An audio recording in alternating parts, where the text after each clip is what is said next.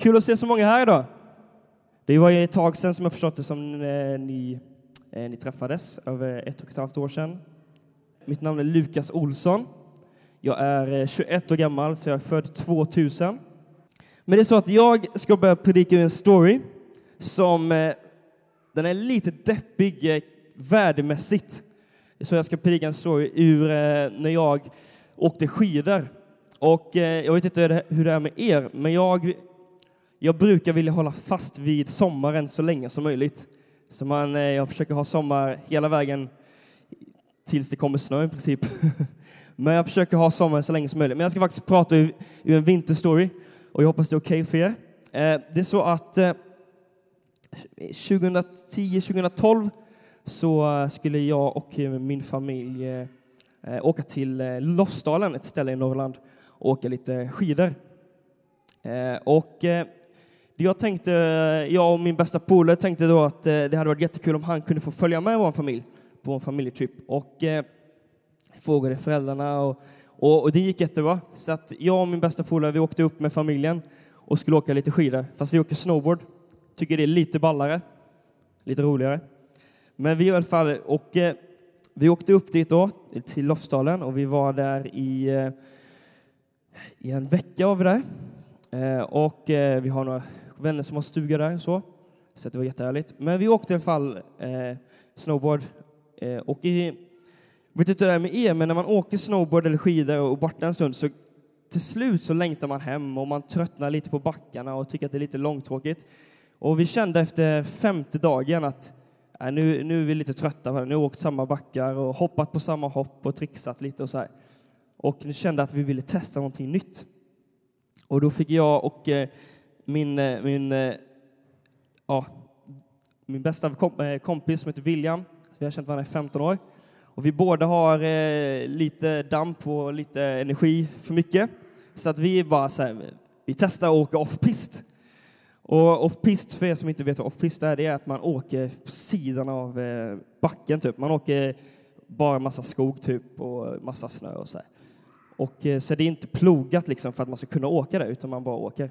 Så vi åkte i alla fall där och eh, i början så tyckte vi att det var, ja, men det var, det var kul och så.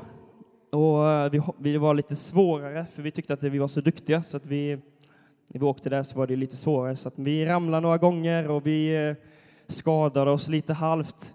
Men till slut, vet, när man åker där, så kände man att det blev lite farligt. Jag hoppade ner från något stup på två meter och kände att man skulle bryta benen eller någonting. Och jag åkte in i ett träd och slog i mig jättehårt. Och till slut var det som man kände så här, det här kan bli lite farligt. Så vi, eh, vi kände inte att det var så jättevärt kanske. Men när vi kom ner för backen i alla fall så, så kollade jag åt vänster och kollade åt höger och kollade rakt fram. Och så ser jag att vi är mitt ute i ingenstans. Ni vet när man åker, för er som åkt skidor, så kommer man ofta ner till värmestugan eller till eh, en sån lift eller så som man kan åka upp igen. Vi såg inget av det. Vi såg ingen människa, vi såg inga, vi såg inga liftar, vi såg ingen värmestuga eller någonting. Så vi kände, vart är vi liksom? Så vi gick in och kollade på, som man gör, man går in och kollar på iPhonen och kollar på eh, vart vi var.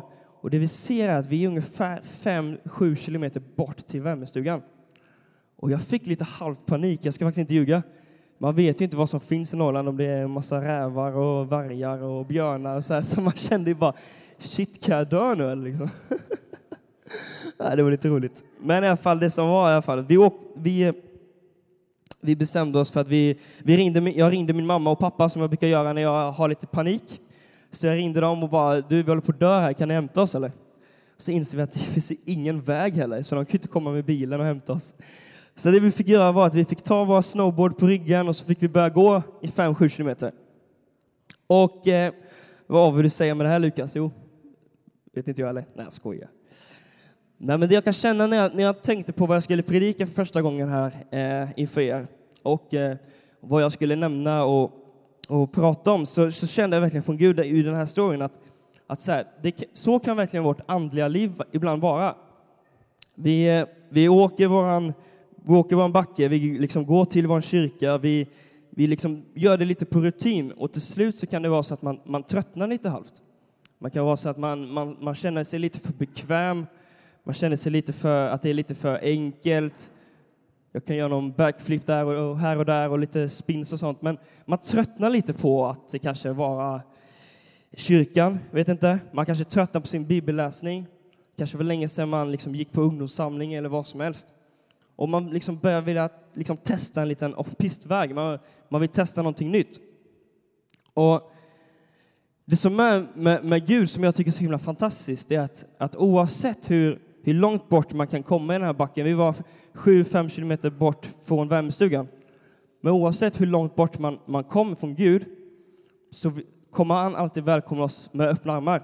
Och det tycker jag verkligen alltid är så, så väldigt fint med, med Gud att oavsett om det kanske är så att du bara glömt att läsa Bibeln eller om du har så att du har någon vecka sedan du kanske var i församlingen så är det så att eh, Gud kommer alltid välkomna dig hit. Vi kommer alltid välkomna dig hit. Pastorerna, vi, vi har ingen fördömelse i någon här, utan vi alla har, har vår resa att gå. Och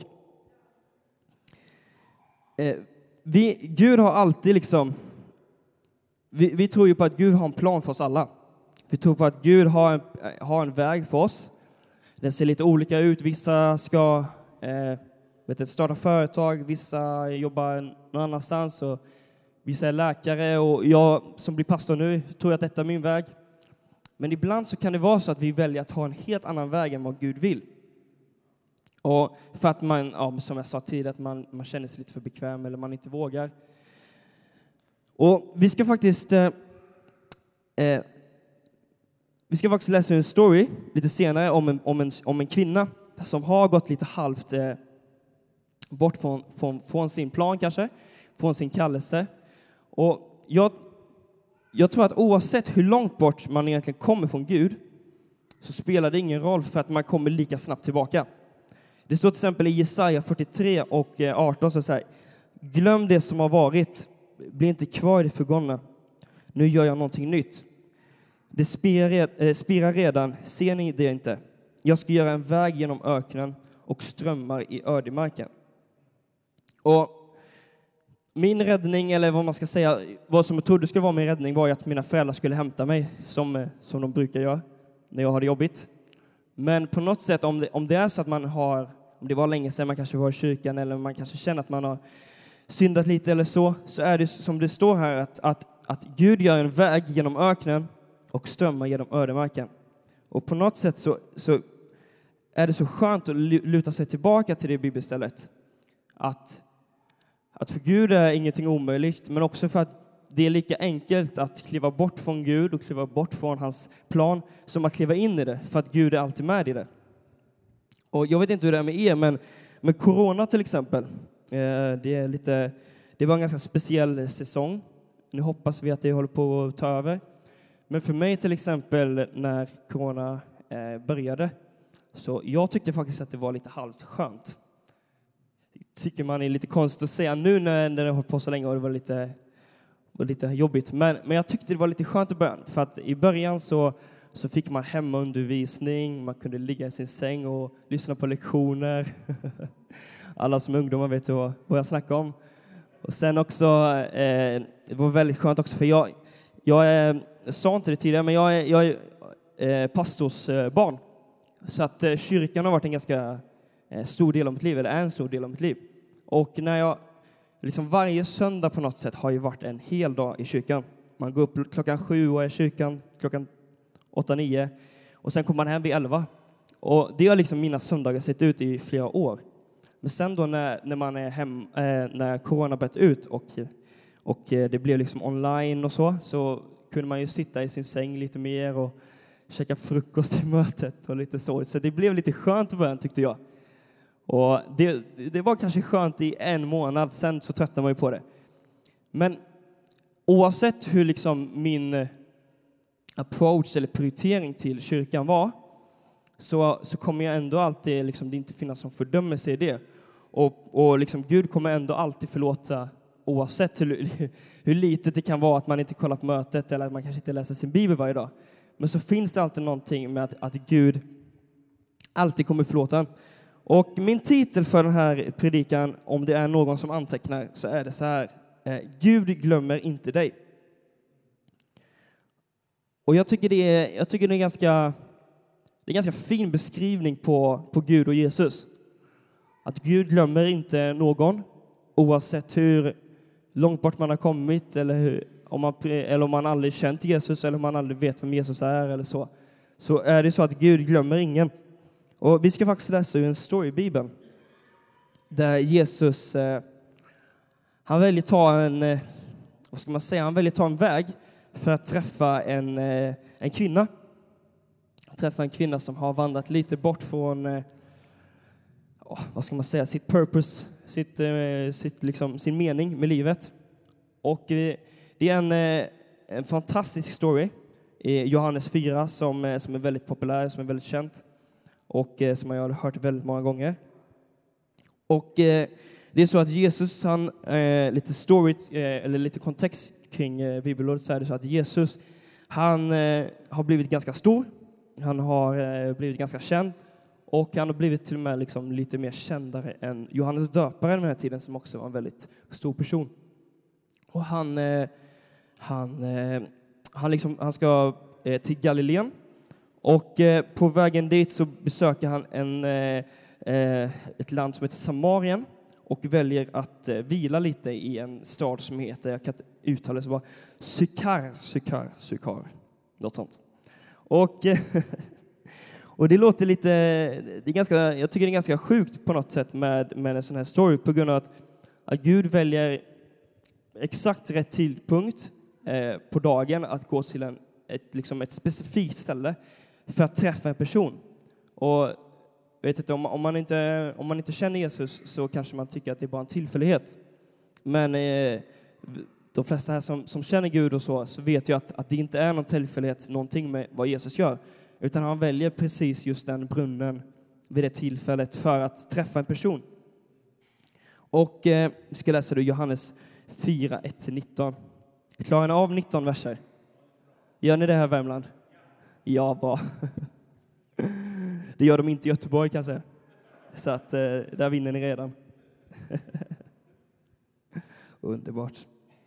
Det står så här, när Jesus fick veta att fariséerna hade hört att han fick fler lärjungar och döpte fler än Johannes, även om det inte var Jesus själv som döpte, utan hans lärjungar, lämnade han Judeen eh, och vände tillbaka till Galileen. Eh, han måste då ta vägen genom Samarien och han kom till en samarisk stad som heter Sikar. Eh, när den mark som Jakob gav till sin son Josef. Där fanns Jakobs brunn Jesus som var trött efter vandringen satte sig där vid brunnen och det var omkring sjätte timmen. Då kom en samarisk kvinna för att hämta vatten. Jesus sa till henne, ge mig lite att dricka. Hans lärjungar hade gått bort till staden för att köpa mat. Den samariska kvinnan sa till honom, hur kan du som jude be mig, en samarisk kvinna, om något att dricka? Judar umgås nämligen inte med samarier. Jesus svarade henne, om du kände till Guds gåva och vem det är som ber dig. Ge mig lite att dricka. Då skulle du ha bett honom och han hade gett dig det levande vattnet. Hon sade, Herre, du har, eh, du har ingen kruka och brunnen är djup, så varifrån får du det levande vattnet? Är du större än vår far Jakob? Han gav oss brunnen och drack ur den själv, likaså hans söner och hans boskap. Jesus svarade henne, den som dricker av det här vattnet blir törstigen. Men den som dricker av det här vattnet som jag ger honom ska aldrig någonsin törsta. Eh, det vattnet jag, eh, det vatten jag ger blir en källa i honom eh, med vatten som flödar av evigt liv. Kvinnan sa till honom, Herre, ge mig det vattnet så att jag slipper bli törstig och gå hit och hämta vatten. Han sa det, gå och hämta din man och kom hit. Kvinnan sa det, jag har ingen man. Jesus sa det, det stämmer som du säger, eh, att du inte har någon man. Fem män har du haft och den du har eh, är inte din man. Det du säger är sant. Kvinnan sa det, Herre, jag förstår att du är profet. Och eh, min första punkt på, på den här predikan, det är Jesus gör det extra för att nå en till. Eh, det, stod så här, det stod så här i, i början där att Jesus lämnade därför Judeen och återvände till Galileen. På vägen dit var han tvungen att gå genom Samarien och så kom han till en liten stad i Samarien som hette Sykar och som ligger nära den mark som Jakob eh, gav son. Eh, där ligger också, ja. Då kommer en samarisk kvinna för att hämta vatten och Jesus ger ge mig lite att dricka. Och på något sätt så, så, när jag läser den här storyn så är det massa olika perspektiv som man kan man dra ur, ur den här storyn. Men någonting som jag kände ganska starkt är att Jesus kände sig tvungen att gå genom Samarien. Någon fick eh, honom att ta ett oväntat steg. Och för mig så är det ju ganska tydligt varför han väljer att ta eh, det här, liksom, den här vägen. Och det är just för att han vill träffa den här kvinnan. Och personligen så vet jag att när Jesus rörde vid mig till exempel så mötte jag Gud ganska starkt och han har förvandlat hela mitt liv. Och han kände ganska tydligt att han behövde göra det med, med den här kvinnan. Då. Och eh, något fick honom att ta en annan väg. Eh, och, det, och där fanns en, en, en, kvinna som verkligen behövde honom. Och precis som det kan vara med, med oss här, att, att vi liksom väljer att ta en annan väg. Vi väljer att gå en annan väg som kanske Gud inte har lagt framför oss. Han kanske säger oss, till oss att eh, gör det här eller gå in på den här utbildningen eller prata med den här vännen eller, eller oh, någonting helt annat. Men, och då kan det vara så att vi väljer att ta en helt annan väg. Men precis som, som när Jesus möter den här kvinnan, när hon liksom har det eh, lite svårt, så väljer Jesus också att möta oss. För att Jesus, som, är, som det står i ett bibelställe, så är Jesus densamma igår, idag och så i evighet. Och det är lite så det kommer, som det är med oss. Att bara för att han väljer att möta den samariska kvinnan betyder inte att han inte ska möta er och oss alla här. Och eh, Jesus kunde ha valt att gå till en helt annan brunn. Men han valde att liksom han valde verkligen att ta just det här specifika stället för att möta henne. Och det står i första Korinthierbrevet 9.19 att jag är alltså fri och oberoende av alla människor men jag har ändå gjort mig till alla slav för att vinna så många som möjligt. Och Det är lite det som Jesus på något sätt gör här, att han försöker göra vad som helst. Och så var hela Jesus liv. Men han försökte göra vad som helst för att möta en person som inte, som inte tror på honom och ta liksom, och hjälpa henne och, och stötta henne och hjälpa henne att, att lära känna honom. Och jag eh, till exempel nyligen fick döpa eh, fyra personer för två veckor sedan.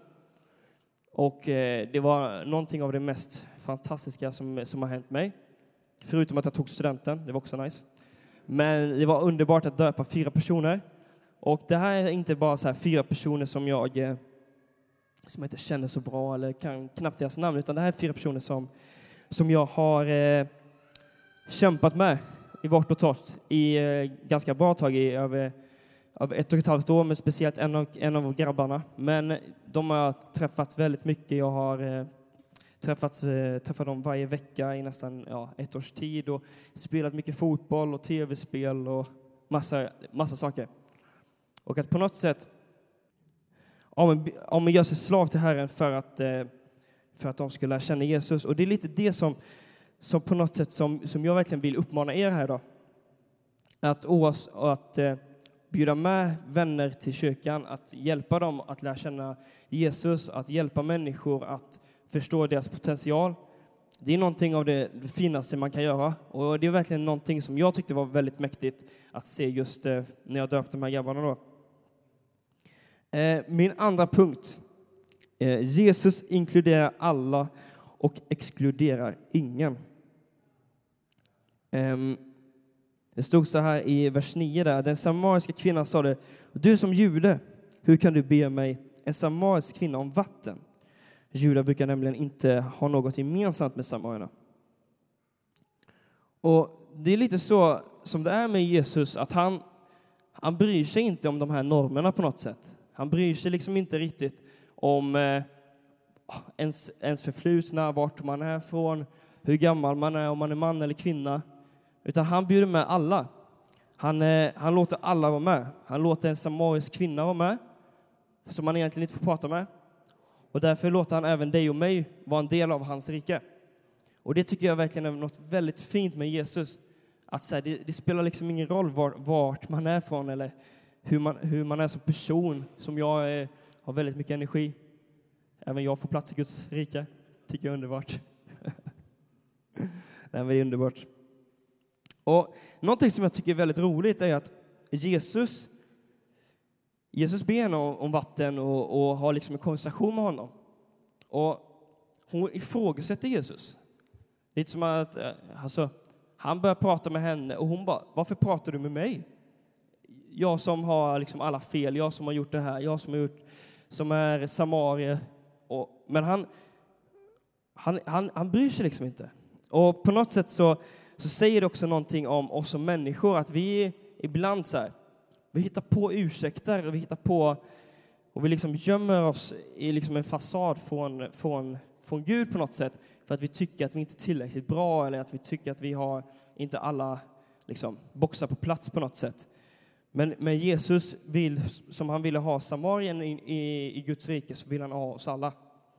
tycker jag är underbart. Det står så här i Lukas 14, 22 23. Min tjänare sa, Herre, jag har gjort det som, eh, som du befallde, men det finns fortfarande platser kvar. Då sa mannen till tjänaren, gå ut överallt på vägarna och stigarna och uppmana alla att komma så att huset blir fullt. Och jag kan ärligt talat säga att detta verkligen är min största bön för, för den här kyrkan, men även för Unity, ungdomsarbetet. Att så här, hela huset ska bli fullt. Det hade varit hur mäktigt som helst att se, ja men den här kyrkan var full, nu är det lite svårt med corona, men, men när det lugnar ner sig, att, att se huset fullt och, det, och som han säger, att, att det finns fortfarande plats kvar. Och, och, han, och Jesus verkligen uppmanar att gå ut överallt på vägarna och stigarna och uppmana alla att komma. Och jag vet inte, jag, jag var inte med här innan, innan corona, men om det är så att ni ser, det är sån, någon person här ni saknar kanske idag, som ni kanske inte har sett nu på ett och ett halvt år, så uppmanar jag verkligen att komma nästa söndag. I Jesu namn. Guds hjärta för det som ännu inte är inne i Guds rike beskrivs i dessa ord. Gud vill att alla ska få möjlighet att få del av gemenskap, vänskap och Guds kärlek. Tycker jag är underbart. Min punkt nummer tre. Jesus är den enda personen som jag verkligen behöver. Det stod så här i Johannes 4, 13, 15. Den som dricker av det här vattnet blir törstig igen, men den som dricker av det vattnet som jag ger blir aldrig i evighet törstig igen. För mitt vatten blir en källa inom honom som pålar fram och ger evigt liv. Herren sa kvinnan, ge mig... Eh, ja, vi stannar Jesus, har, Jesus, som jag tror har skapat mig. Jesus vet mig bättre än någon annan. Jesus vet vad alla misstag som jag kommer göra och alla misstag jag har gjort. Och därför vet han också vad det är jag behöver. Vi kan tro här att eh, det är en eh, finare lägenhet jag behöver. Det är, eh, i Jesus fall så var det ju vatten som, som han bad efter. Och det kan ju vara så att man behöver mat och vatten ibland. Men i vissa fall som, som människa så, så strävar vi oftast efter någonting mer. Vi strävar efter eh, kanske en finare bil eller finare lägenhet eller vad vet jag. Nya Fifa 2023 eller 22 det blir. Men på något sätt så är det liksom inte det som, som vår ande behöver egentligen. Det är, det är jättenice att spela Fifa, jag säger inte emot det. Men, men på något sätt så behöver vi alla någonting för att fylla vår själ. Och det är på något sätt Jesus som vet det bästa. Det står i Psaltaren 139 att du skapade organen in i min kropp. Du vävade samman mig i min mors livmoder. Och på något sätt så är det ju, alltså, det, på något sätt så är det vi som, som eller Jesus som vet vad vi behöver. Och då snackar jag inte till liksom vår tillfredsställelse yttre liksom, med det här med fina lägenheter, utan det är, nu snackar jag om någonting här inne. Och det är det som på något sätt som Jesus erbjuder den här kvinnan. Och jag tror på något sätt att det är någonting som, som på något sätt den här världen på något sätt har, har vänt på lite. Det, viktigaste, det viktigaste i livet är liksom den här fasaden, att det ska se perfekt ut.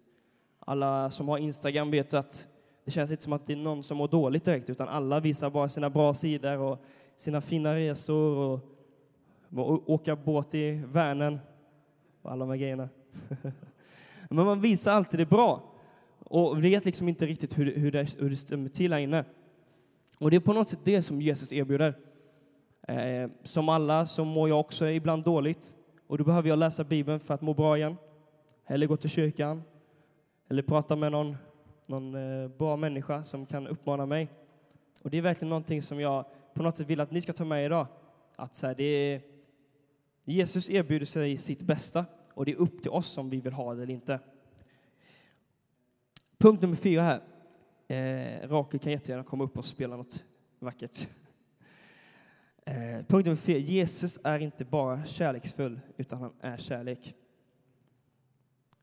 Och precis som henne, Eh, den samariska kvinnan, så har vi, har vi alla olika eh, bagage, ska man säga.